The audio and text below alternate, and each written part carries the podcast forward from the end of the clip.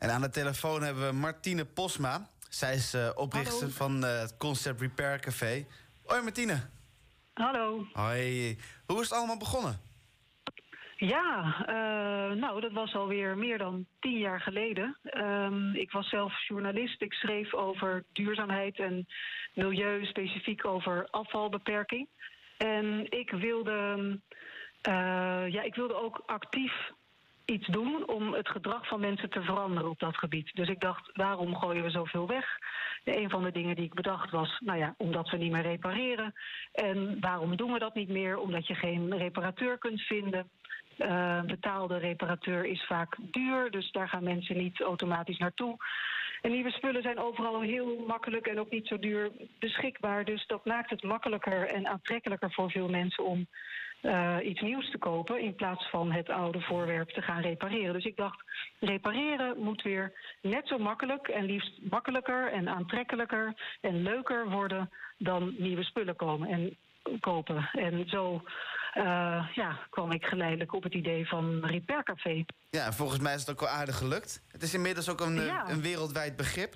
Was dat je doel ja. of is het ook toeval geweest? Um, nou, het doel was wel om een netwerk van repaircafés op te richten, maar ik dacht zelf aan twaalf. Dus in elke provincie van Nederland één. Mm -hmm. En ik had nooit gedacht dat het zo'n succes zou worden. En zeker niet dat het ook internationaal zou gaan.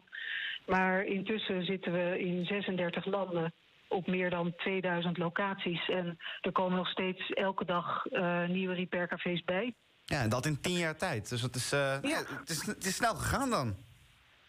Absoluut. Maar ik denk dat veel mensen ook aanvoelen dat het tijd is en dat het nodig is dat er verandering komt. En veel mensen willen ook wel wat doen aan hun eigen gedrag op dat gebied. En die snappen ook wel dat het eigenlijk niet normaal is om spullen weg te gooien zonder zelfs maar te proberen om even te kijken wat er aan de hand is.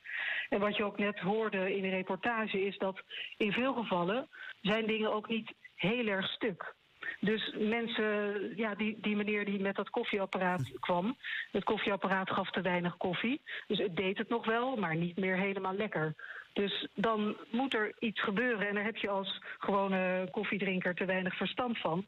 Dus, um, en het is ook weer te weinig om, om echt naar een, naar een professional te gaan. Dus um, ja, het repaircafé is eigenlijk een soort eerste hulp bij spullen die het niet meer of niet meer helemaal goed doen. Een soort huisarts eigenlijk. Ja, nee, dat, dat wou ik net zeggen, ja. ja, en, ja. In het geval van die koffiemachine, ja, het was een hele kleine, lichte ingreep. En ja. uiteindelijk doe je het gewoon weer. Ja, je had ook gewoon ja. het kunnen weggooien en uh, ja, tientallen euro's kunnen besteden. Of misschien wel honderden euro's. Ik weet natuurlijk niet wat voor koffieapparaat het was. Uh, dus het scheelt nee, en, het... dus het scheelt en geld maar... en het is uh, duurzaam. Absoluut. En um, ja, ja, precies wat je zegt. Ja, nou ja onlangs uh, is het de landelijke campagne van Sieren geëindigd. Waarderen het, repareren het. Wat hebben de repaircafés hiervan gemerkt? Nou, die hebben behoorlijk wat extra toeloop gekregen. Veel -huh. repaircafés kregen het zo druk dat er wachtrijen ontstonden. En sommigen die hebben zelfs besloten om vanaf nu niet één keer per maand... maar twee keer per maand open te gaan. Dus dat is allemaal hartstikke goed. En geeft ook aan dat er dus uh, wel degelijk belangstelling is bij mensen. En dat veel mensen niet, uh, niet repareren omdat ze het niet willen. Maar gewoon omdat ze er nog niet aan hebben gedacht. Of ze sowieso uh, ja, hebben ze dan zelf die, die vaardigheden en het gereedschap niet.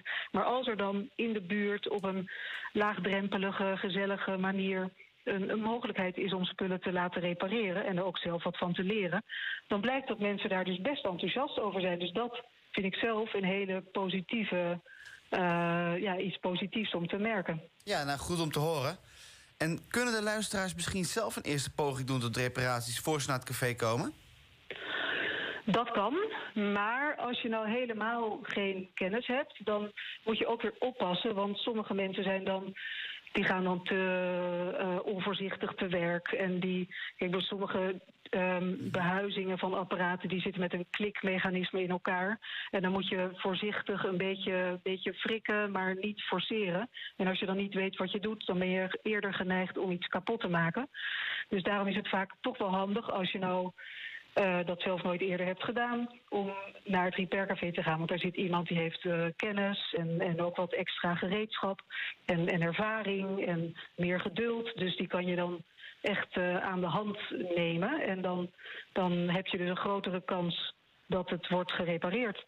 Ja, dan kan ik begrepen dat er ook een, een startpakket te bestellen is via de website? Ja, ja, dat is als je zelf zo enthousiast bent dat je zelf je eigen repaircafé wil starten. En op die manier zijn die meer dan 2000 locaties ter wereld ook gestart. Uh, via onze website repaircafé.org kun je het startpakket bestellen. En dat is in zeven talen beschikbaar, dus uh, wereldwijd bruikbaar om je eigen repaircafé-locatie te beginnen. Nou ja, goed om te horen. Ja, ontzettend bedankt dat je bij ons in de uitzending wilde zijn. Graag gedaan. Dit was Martine Posma, oprichter van Repair Café. En uh, voor meer informatie kun je vinden op www.repaircafé.org.